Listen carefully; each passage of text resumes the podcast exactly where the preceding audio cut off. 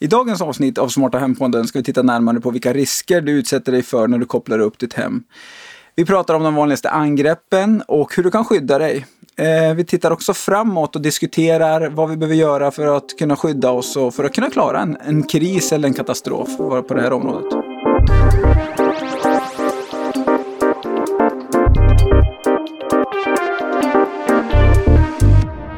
Välkomna till Smarta Hem-podden. Här tar vi reda på vad som ryms i begreppet smarta hem och vi tittar närmare på sånt som redan finns på plats här runt om i Sverige och i världen. Men vi kollar också vad som finns i framtiden. Och vi som är värdar för podden är Malin Hansdotter och Robert Bäckström och vi arbetar till vardags på Stångåstaden, Linköpings största bostadsbolag. Och varje avsnitt så har någon, av, eh, någon reporter eh, dykt ner i ett ämne som ger oss en bättre bild om eh, hur det ser ut. Välkommen Rickard! Hej! Välkommen tillbaka! Tack! Jag tog jättemycket handsprit på händerna så jag vet inte om det kraschade lite här under intro. Det var konstig timing med när jag valde att göra det i inspelningen. Men så kan det vara. Eh, allt bra med er? Allt bara fint. Själv? Mycket bra. Själv då, hur är det med dig? Jo, det är bra tack. Det är väldigt kul att vara tillbaka. Det är dags för det svåra femte avsnittet eller vad man ska säga. Mm. Är, det, är det extra svårt? Ja, vi tror det. Ja. jag har inte så mycket på fötterna för det. Men eh, ja, Idag har jag gett mig på att kolla upp hur säkert det egentligen är med de uppkopplade smarta hemmen. När vi kopplar upp fler grejer så vill man ju veta att det här faktiskt är säkert. Och när man pratar säkerhet så är det viktigt med redundans. Det är alltså att man har en backup. Eller vad man ska säga. Att man har, om en i strömkabel slutar funka så kan man ha ett batteri kanske. Någonting. Att det funkar även om någonting krånglar. Så därför har vi med oss två säkerhetsexperter. Så vi börjar presentera den först här. Jag heter Karl Önne. Jag jobbar som informationssäkerhetsexpert på eh, MSB. Eh, jag sitter på en enhet som heter Säkerhet i cyberfysiska system. Vilket innebär att eh, jag fokuserar mest på sådana saker som är digitaliserade men som inte använder skärm och tangentbord. Det vill säga sådana datorer och sådant som sköter om till exempel distribution av dricksvatten, det är elleveranser, det är fastighetsautomation, lås och larm, eh, men även IoT-produkter. Det känns tryggt det där. Absolut, och den där avdelningen som man inte ens kan förstå namnet på. Nej, det är fortfarande ganska oklart vad det var. det var ett väldigt fint namn. Och då har vi ändå med hela beskrivningen här. Så att, Men det är säkert någon som eh, förstod där ute. Yes. Och sen tar vi vår andra expert här då. Jag heter Kristoffer Jerkeby och jag är säkerhetskonsult på F-Secure AB i Sverige. Och för att komma igång här i avsnittet så ställde jag helt enkelt frågan till MSB. Utsätter man sig för en större fara genom att koppla upp sitt hem? Alltså frågan är om man sätter sig för en större fara. Det, det är från vilket perspektiv man tittar på. Man kanske utsätter sig för en annan typ av hot och risk än vad man tidigare var.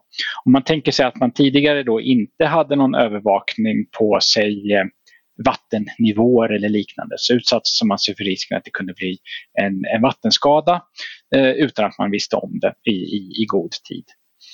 Eh, I och med att man kanske installerar då en, en sensor som, som mäter fukt eller vattenflöden och med, eh, så, så kan man minska risken att bli utsatt för en, en vattenskada men istället så kanske, ökar, kanske risken ökar att man blir utsatt för någon typ av eh, IT-angrepp eller att man i värsta fall kanske också invaggas i ett falskt eh, eh, falsk trygghet att tro att den här sensorn alltid kommer att fungera utan att man kontrollerar den då och då. Så att du, du flyttar risken. Tänk om vi hade fått det så här enkelt ja. Det är helt säkert. Då hade vi kunnat avrunda avsnittet här. Det hade blivit det kortaste vi hade gjort. Ja, men, precis. men så blev det inte. Nej. Det känns ju ganska naturligt det han säger. Alltså att ja, det kan vara en hjälp men det, du utsätter det, du kopplar ju upp någonting liksom. Men det kan ju också bli, göra att det blir säkrare. Ja precis, och när det handlar om fastigheter så är det väl ofta så här gasmätare, till exempel en sån som man ofta har uppkopplad. Och där antar jag att man förr i tiden gick ner och testandades. Mm. eller, eller hur det gick till då. Mm. Och eh, då visste man inte om det hände någonting. Men nu får du uppdateringar och då kanske är säkrare. Men det kan också bli fel uppdateringar. Jag tycker det är intressant det han säger med att flytta risken. Ah. För att eh, det är ju, ja, båda är ju en risk, eller vad vi ska kalla det för. Vi har ju larm med kamera. Jag är fullt medveten om att vi har en kamera hemma hos oss som kan titta på oss. om det är nu en risk eller hur man ska se det. Men de kan ju också se om det är rökutveckling. Och det vill jag ju, den risken tar jag ju, eller vad vi ska säga, att de tittar på mig någon annan gång än de ska. Om de då sen kan se rökutveckling. Eh, men vi lyssnar lite mer på vad han menar att, eh, hur det blir en annorlunda risk här då. Och då är det ju alla möjliga typer av risker. Det kan vara det att den blir eh, att den på något sätt eh, angrips av någon som vill det illa. Eh, och det kan ju vara utifrån att man vill tjäna pengar eller bara kunna ta nyttja enheten. Men den kan också bli förstörd av någon anledning, av misstag eller av, av man har en, ett uppsåt med det. Eh, och den kan också vara så att den blir felaktig. Den, den visar helt fel eh, information. Istället för att visa en, en, temperatur på 13 så kanske den visar en temperatur på 31 till exempel. Därför att det är fel på sensorn. Så att, ja, risken finns men risken blir annorlunda än vad den var tidigare. Och där, det där är ju intressant om man får faktiskt fel data in. För eftersom det är en väldigt viktig eh, del av det smarta hemmet. Och någonstans måste man ju ändå lita på vad man får. Annars så lever man ju i en ovisshet hela tiden. Men givetvis ska man ju kolla upp och sen se om det är realistiskt det man får ut. Ja, exakt. Annars gör du dubbelt jobb om du inte ska, om du ska kontroll... kontrollera grejerna hela tiden. Ja, precis. Mm. Uh. Och, och, men så är det ju med alla grejer egentligen. Liksom att, att ja, vi måste ju välja vad vi vill lita på och så sen bara checka av. Stäm, stämmer det här någon gång då och då? Ja, och det är väl det man kan göra där, just att vid vad säger man, stickprover mm. av saker. Mm. Vi lyssnar nu på vad MSB ser som de största riskerna när du kopplar upp en fastighet eller ditt hem. De risker jag ser med det, det är att de som är leverantörer av smarta hem inte tänker säkerhet i första hand. De tänker oftast funktion och pris. Eh, därför att naturligtvis vill man ju kunna sälja det. Och funktioner eh, är ju roligare att sälja än att inte ha funktioner. Så att man fokuserar mycket på, på just det här att det ska fungera på ett visst sätt. Man ska kunna få integrationer med andra befintliga system, eh, befintliga styrsystem till exempel. Men den här säkerhetsaspekten läggs inte med. Och det manifesteras till exempel med att det är svårt att uppdatera sensorer och system. Det kan vara att man inte ens har de mest basala säkerhetsfunktionerna inlagda i de här typen av system. Ehm, men det kan också vara att ehm, det, det helt enkelt är som så att det är för låg funktion, alltså beräkningskraften i den är, för låg vilket gör att man eh, inte kan ha säkerhetsfunktioner på. Och Det fjärde är att man eh, inte i sin systemarkitektur eh, lägger in de här eh, systemen bakom bara sådana enkla saker som brandväggar och se till att man skyddar eh, utrustning från illasinnad trafik utifrån eh, och även ibland då inifrån. Där har vi de stora riskerna enligt MSB.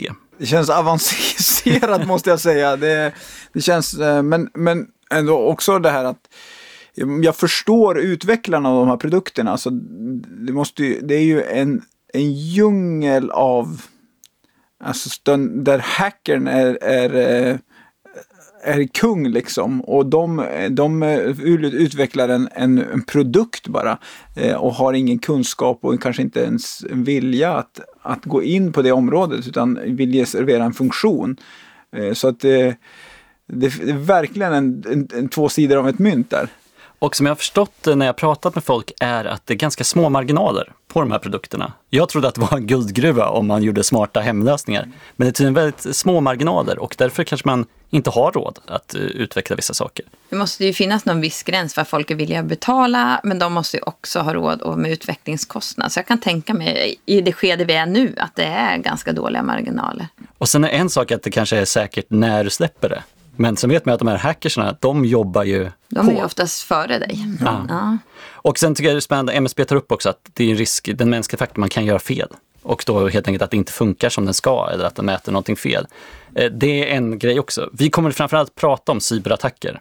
För att det är lite spännande, det är lite mer action med, med de här eh, cyberattackerna. Och jag har inte hittat någon cyberkriminell Ska jag vara ärlig med här i början. Men jag har bett eh, Kristoffer på F-Secure att eh, sätta sig in i, i den världen istället. Eh, Och det här är vad han skulle, hur han skulle bete sig som cyberkriminell. Om man först eh, som angripare, speciellt när det kommer till att angripa det uppkopplade hemmet, så letar man efter volym och sen så kan man sortera i den volymen man har om det är så att någon av de här eh, offren har en viss egenskap som man är intresserad av. Och då kan det vara att det offret råkade ha, de bodde på en position som var intressant så det kunde vara spännande att titta in i övervakningskameran, kanske skulle ge en ledtråd för någonting som man är intresserad av.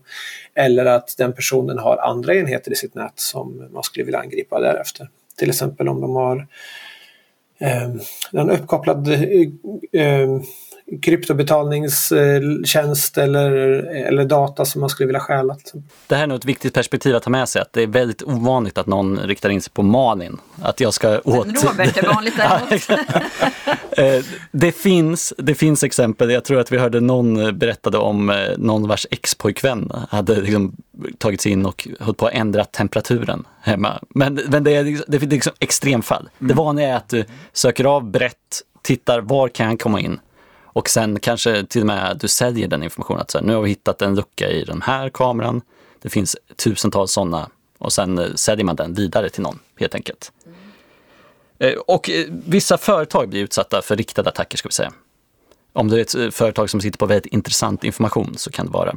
Det kallade Kristoffer för Big Game Hunters, de som ger sig på specifika företag för att komma åt någonting. Jag tänkte vi kunde börja med att försöka rita upp en bild här. Om man tänker innan man har kopplat upp någonting så är det ju din digitala säkerhet, då är det verkligen en bunker. Det blir lite så här Kurt Olsson, att jag så ritar. Det det är dålig radio kanske, men vi får försöka hänga med här. Att då är det en bunker, det går inte att ta sig in. Du är helt skyddad om du bara bor i en lägenhet till exempel. Sen sätter du in en router för att du tänker det kanske vore kul att se vad som händer där ute på internet. Routern kan du egentligen likna med en eh, dörr. Den är gjord för att eh, ta sig in och ut. Och kanske inte så mycket in då, utan den är väldigt säker. Du har en brandvägg. Den är bra. Men sen när du börjar koppla in andra saker som du också vill kunna kommunicera med på distans, eh, som en övervakningskamera, vad du är inne på. Det är många som kanske har en FTP-server för att komma åt feeder. Man har sin backup så, så att det går att komma åt. Då är det som att du installerar massa olika fönster. Du öppnar en port i den här routern och då är det som att du bygger ett fönster i den här bunkern. Och det som var från början jättesäkert har nu massa möjliga ingångsvägar. Varav en är bara speciell på att vara som en dörr, då routern. Och, generellt sett så är den säkrare än alla de andra fönstren då? Ja, en router är ju, där är det gjort. De utvecklarna är ju väldigt vana med den här. Och eh, liksom skapar ett lokalt nätverk eh, innanför den brandväggen då. Men sen när du öppnar en port då så är det inte säkert alls att det finns den eh, säkerheten. Vi kan prata om vilka som är vanliga grejer med att man faktiskt kopplar upp så här direkt utan att eh, tänka på säkerheten. Den vanligaste attackvägen in i uppkopplade system det handlar ju om att eh, man hittar exponerade enheter som ligger rakt kopplade mot internet. Eh, och det är fortfarande ganska vanligt att det händer. Eh, om man söker av en vanlig internetleverantör för slut och hemanvändare då hittar man ofta väderstationer, övervakningskameror och backup-enheter som är kopplade rakt mot internet. Också Raspberry Pis som är sådana här äh, små lådor som du kan installera Linux på själv och välja vad du vill installera på själv. Och många kopplar upp den här och kanske då med eh, standardlösenordet. Ja. Så det är väldigt vanligt att eh, hackers tar sig in via de här. Jag kan säga att det är nog oklart för mig om vi har sådana hemma eller inte. Om du har standardlösenordet admin, ja, admin. nej, om vi, om har eh, Raspberry Pi. Det kanske någon av barnen eller min man har. Jag, jag ska, ja, det är oklart.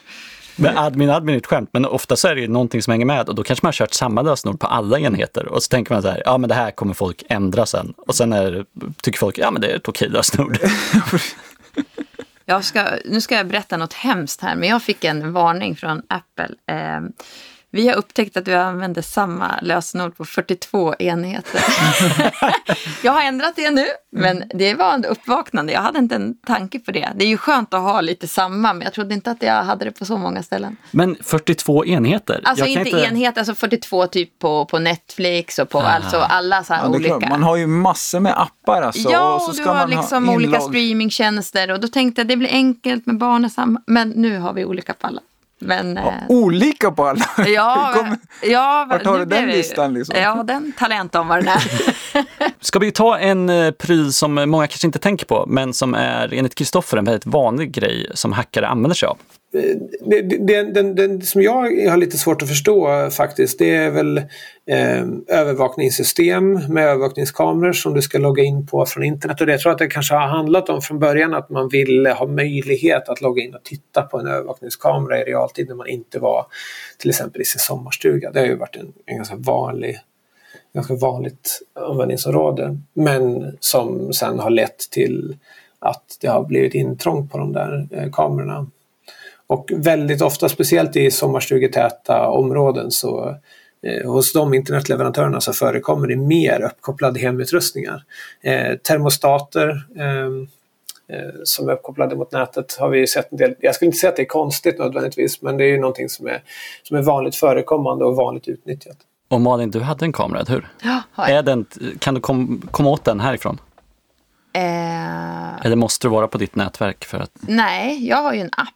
Och från appen kan jag ju både sätta av och på larmet hemma. Och jag kan ta eh, kort med kamerorna. Mm. På de ställen de sitter. Så då har du öppnat en port Där där. har jag öppnat. Ett fönstret står vidöppet. Precis. Och, men, och det är så här, vad, vad, använder, vad använder man eh, om de får den här, eh, kommer åt den här kameran? Vad använder de det till? Är det med, Alltså, är- bolaget vi har- jo, men- Nej, men jag tänker eh, de som hackar. De, ja, det undrar jag också. Det var kul att ni frågar, för det är dit vi är på väg. Jaha. Vad ska man ha det till? Det absolut vanligaste man använder till är utpressningsattacker, även känt som ransomware. Ja, just det. Och vi låter Kristoffer förklara lite vad det här är. Utpressningsattacker har ju varit eh, väldigt stort under eh, 2019 och 2020. Så, så skedde en stor mängd utpressningsattacker på eh, personlig data som lag, lagrade på enheter, till exempel uppkopplade nätverksdiskar. Så om man då har en nätverksdisk i sitt hem, kopplar den mot internet och så har den ett standardlösenord och sen så, angriper, an, eh, så hittar angriparen den, loggar in på den och krypterar alla filerna och, och hävdar att du måste betala för att få pengar tillbaks. Det har ju varit det mest förekommande. Och det här är hos privatpersoner alltså? Ja, det är väldigt vanligt med företag också Ja. att de blir utsatta för det här. Och ibland så kan man ju använda eh, en eh, ingång hos en privatperson för att komma åt ett företag sen. Att du kanske är uppkopplad mot en företagsserver också. Ja.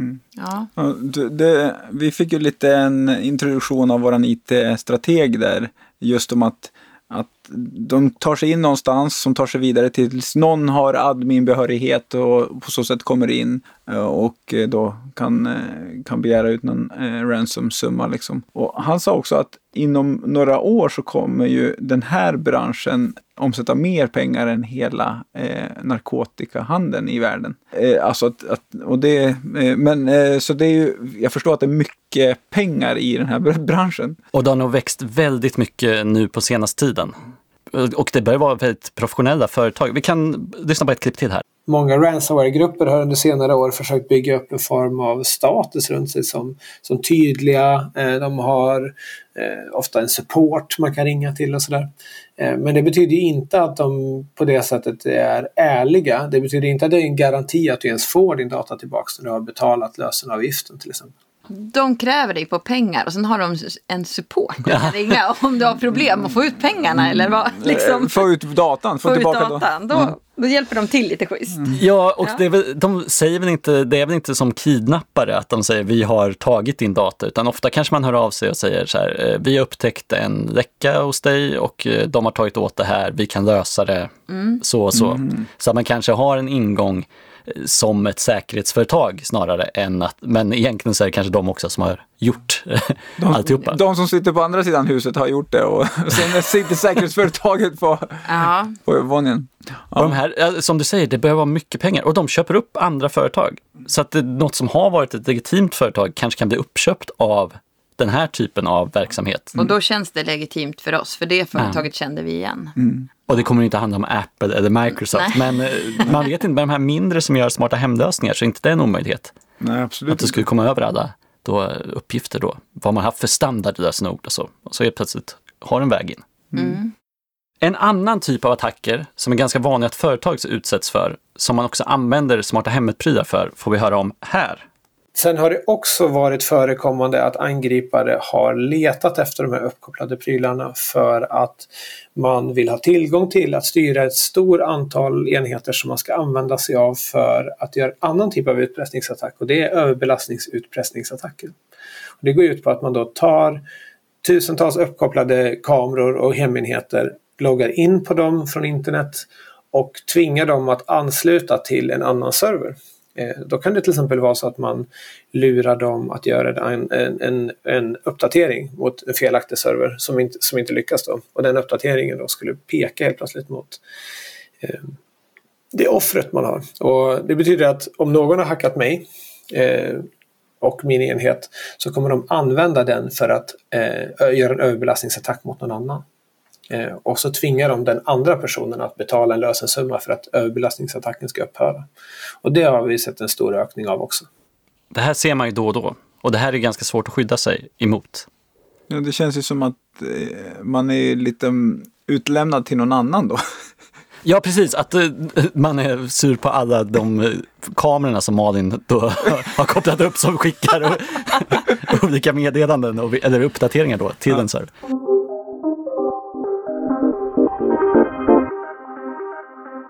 Jag har låtit eh, ge tre tips här då för hur man kan säkra ett uppkopplat hem eller en uppkopplad fastighet. Det första är att man använder sig av unika lösenord. Eh, vi pratar mycket om att man helst inte ska använda lösenord men det finns fortfarande kvar. Och Det man ska göra då är att man ska använda unika lösenord. Så det lösenord jag använder för att logga in i min webbmail ska inte vara samma som jag loggar in i Facebook, ska inte vara samma som jag loggar in i Google, ska inte vara samma som jag loggar in i min IoT-utrustning. Utan de ska vara skilda åt. Och till hjälp så kan man använda sig av någon typ av, av lösenordshanterare som finns. Både sådana som kostar en liten krona och, och sådana som, som är gratis. iPhone har ju det här inbyggt vet jag. Nu vet jag bara därför att jag själv har en sån. Så har, kan man ha lösenord och man kan skapa jättekonstiga lösenord som bara är siffror och bokstäver. Jag är ju, men då om du inte har någon ström helt plötsligt så, och telefonen är urladdad, då har du inte ett enda lösenord. Nej. Men då kanske man inte behöver komma in i någon. Nej, men... Heller, Nej, då, då är den här robotdammsugaren körd ändå. Ja, men precis. Då får man köra för smulor. Liksom. Jag var ju körd redan på punkt ett där då. då. Fast, ja, jag, fast har ju, jag har ju åtgärdat det här nu. Mm. Men... Och jag har ju, jag har, alltså man har ju ett, ett par stycken som man drar runt liksom. Så Fabis eh, lösenorden. Mm. Mm. Ska vi ta andra tipset här då? Mm. Ja. Det andra är att man ser till att utrustningen är, är uppdaterad. Vi pratade förut om att det kanske inte går att uppdatera utrustning och det, det är sant. Men den utrustning som går att uppdatera, den ska man försöka uppdatera eh, om det går. Hur är ni med? Uppdaterar ni direkt när det kommer nya uppdateringar?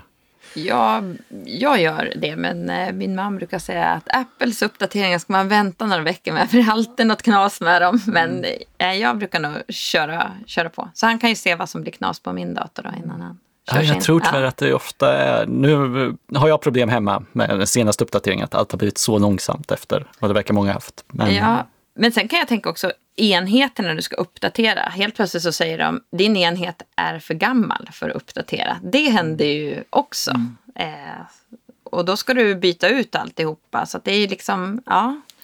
Ja, det känns som en affärsidé skulle ja. jag säga med de här uppdateringarna. Alltså, eh, och personligen så tänker jag ju liksom inte på, de här uppdateringarna tänker jag ju inte på säkerhet utan då tänker jag på funktionalitet eller ja, vi har fixat till några buggar eller eh, ja, i alla fall så är det med, med apparna. Men man, så jag tänker inte på säkerhet men det kanske man ska börja göra. Ja, men ofta är det nog så, den typen av uppdateringar som görs, att det är just säkerhet man har uppdaterat. Man har hittat någonting, för hackersna jobbar ju på sin sida och så sitter de andra på säkerhetssidan och jobbar.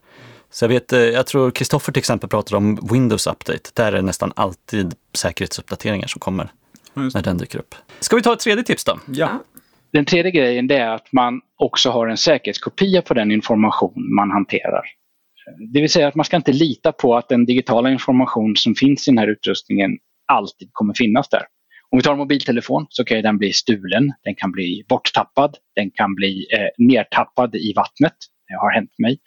Eh, vilket gör att informationen på den inte finns kvar. Och det här är ju också om någon då kommer åt din information, till exempel en ransomware, att vi har alla dina semesterbilder, du måste betala x antal tusen för att vi får tillbaka dem. Om du då har dem på en annan enhet, om du har det kopierat, en säkerhetskopia, då behöver du faktiskt inte betala. Men då har man ju det här molnet som mycket är uppdaterat i. Och det känns ju som en, så här, en egen världsdel. Liksom. Jag tycker den, är, Den är, den är ju jättemärklig. Ja, och säkert så är de, om man inte- lösenordet räcker, så är ju de här, de, det bygger ju på att det är säkert och att det funkar. Så de är ju ofta väldigt eh, duktiga. Men eh, mm, Men det dyker ju upp ibland. Eh, har du sparat i molnet eller något kommer ner från molnet. Eller, det känns inte riktigt som man har... nej, jag, jag gillar ju att ha det i, liksom hem, hemma vid liksom. Men det, där kan det också försvinna. Eh, Vi råkade ut för det, jag råkade ut för det förra året. Skulle installera några Windows på en dator och så behövde jag ett USB som klarar 16 gig. Och så hade jag inte det. Ja, men jag har ju min externa, den klarar ju det. Och så Ah. körde jag in Windows där och så sen Eh, det funkar jättebra att stoppa in Windows men när- sen eh, när jag då skulle kolla på den här externa så fanns det inget annat än Windows. den formaterade allt. Och 65 000 bilder från eh, 2001 och framåt var borta. Eh, och då är det ju eh, bra om man har en backup. Då hade det varit skönt med molnet och, Och, bara det, hämta ha, hem och det. det hade vi inte. Så att, men då finns det ju faktiskt företag som, som har skapat eh, sådana där eh, programvaror så att man kan hitta då 65 000 bilder i någonstans som är raderat någonstans. Så att eh, eh jag var gladare efter några timmar.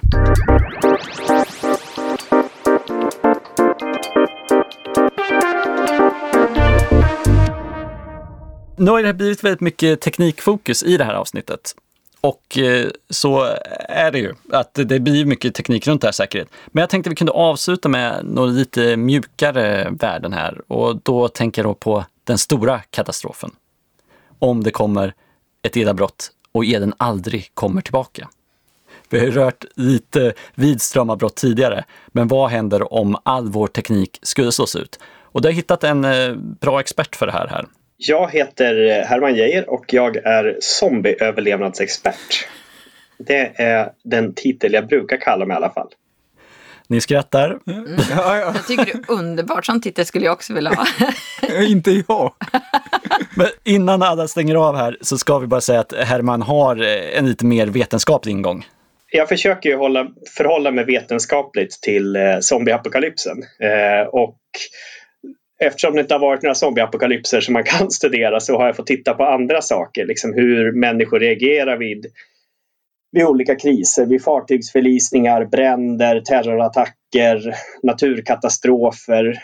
Ja, men hur vi beter oss och vad vi gör. Och även kring eh, överlevnad så finns det också väldigt mycket liksom, myter eller sådär eh, bilder av eh, hur den ensamme mannen klarar sig utifrån den, ja, men så som kriser och katastrofer skildras i, i eh, populärkulturen, i filmer och i tv-serier och sånt där. Han eh, har skrivit flera böcker, men just nu är han aktuell med Överlev katastrofen, 12 sätt att förbereda sig.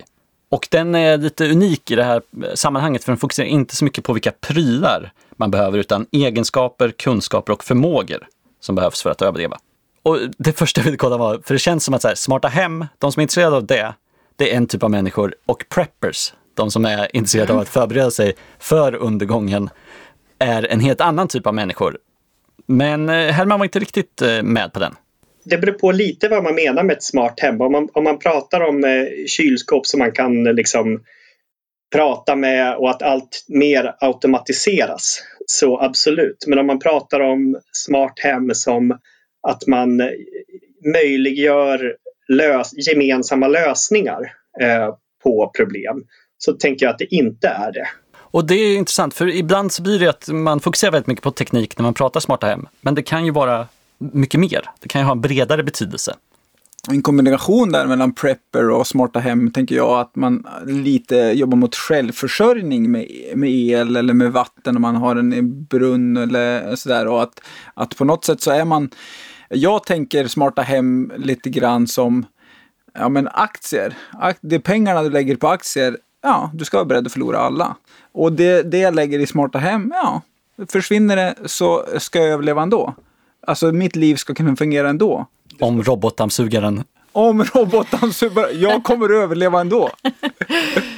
Det är fantastiskt. Enkelt att säga nu. Ja, precis. Vi tar den här diskussionen sen. Men om, jag menar, om min fru inte slog ihjäl mig när jag slarvade bort 65 000 bilder, då är det ju lugnt med dammsugaren också, tänker jag. Jag säger inte det. Men så vad händer då vid ett elavbrott? Vi låter Herman förutspå vad som skulle hända om Och nu pratar försvann. vi ett totalt Ja, elavbrott. totalt. Kommer aldrig tillbaks.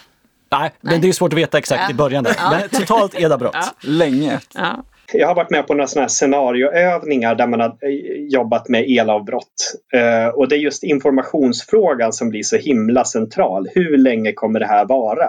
Det, för det, är det första som händer är kanske att man undrar vad var det som hände? Och vad händer då när man inte får information?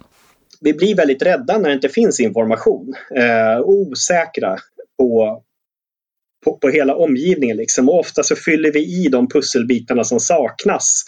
Eh, liksom utifrån vad vi kanske verkar troligt eller vad någon som vi litar på säger och sådär. Så det gör ju att också vid sådana här händelser så får ju också konspirationsteorier ett väldigt uppsving. Eh, det är många som eh, börjar tro på liksom konstiga teorier om, om att det är någon som ligger bakom det här eller sådär.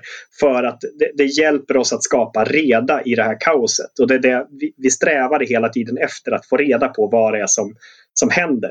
Jag skulle inte tycka det var så konstigt att tro att någon ligger bakom det om el försvann. Men eh, ja, Vi hade ett strömavbrott för ett tag sedan och man är ju direkt ut på att kolla på liksom, tekniska verken. Varför är det elavbrott? Va, det står ingenting. Då, då är man ute vid fönstret och kollar. Har grannarna elavbrott eller? Ja, och så har de också då in igen och uppdatera sidan. Och sen bara, ja, elavbrott i ert område. Eh, okänd anledning. Ja, det spelar ingen roll. Då vet jag, ja, då har alla och det, det, de vet om det liksom. Då, okänd anledning, det köpte ni. Ja, för då, men de kan ju inte veta om de har grävt av något, tänker jag. Eller liksom, eh, Du tänkte inte direkt det är ryssen.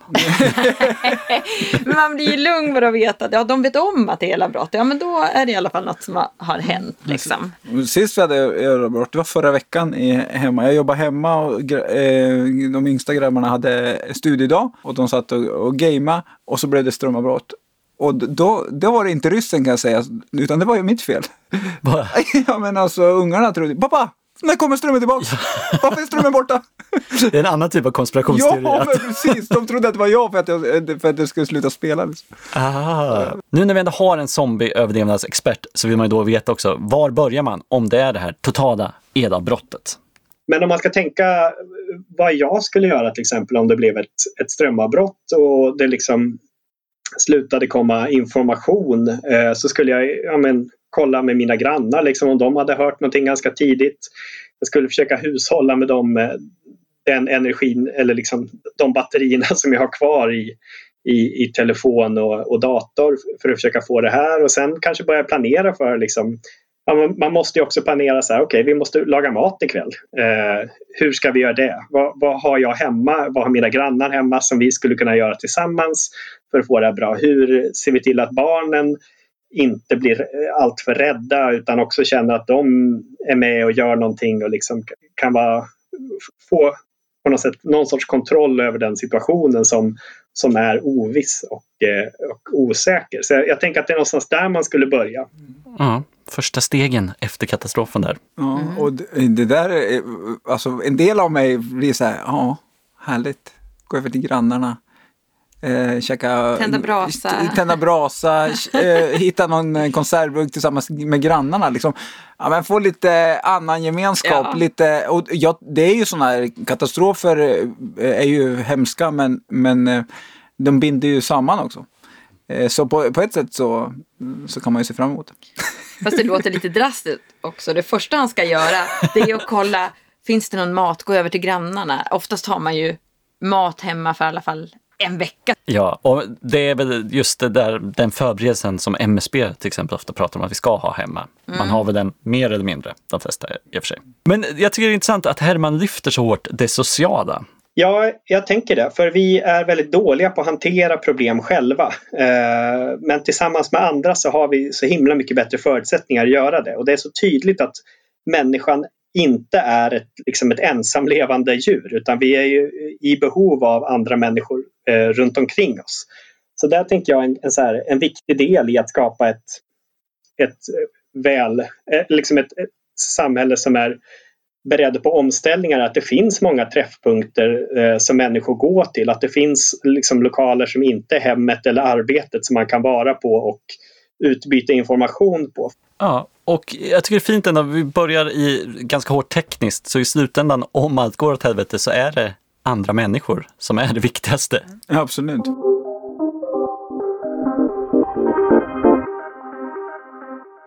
Jag reflekterar över den här eh, ökade cyberkriminaliteten och ja, men både hur duktiga de är och, och hur mycket pengar som, som är inblandat. Eh, och att det är ju inte bara riskerna för att vara hemmakameror utan hela vattensystemet och elsystemet som ja, enormt mycket risker som, som finns i det här. Eh, ja, men man gäller att vara medveten och göra medvetna val, absolut. Ja, jag håller absolut med dig där. Jag tänker också det här vi pratade om i början med att välja sina risker. Det kanske man ska tänka lite mer på. Vad, vad är det jag väljer och vad väljer jag bort? Och sen tog jag med mig också, jag tyckte han var superhärlig här, vår sista eh, reportage här. Zombieexperten. Zombieexperten. eh, och jag tror vi är väldigt sårbara om vi en dag står där utan el. Vi är otroligt beroende av el. Så man kanske ska tänka igenom där. Höra vad, om grannarna vill dela en konservburk framöver eller hur det är.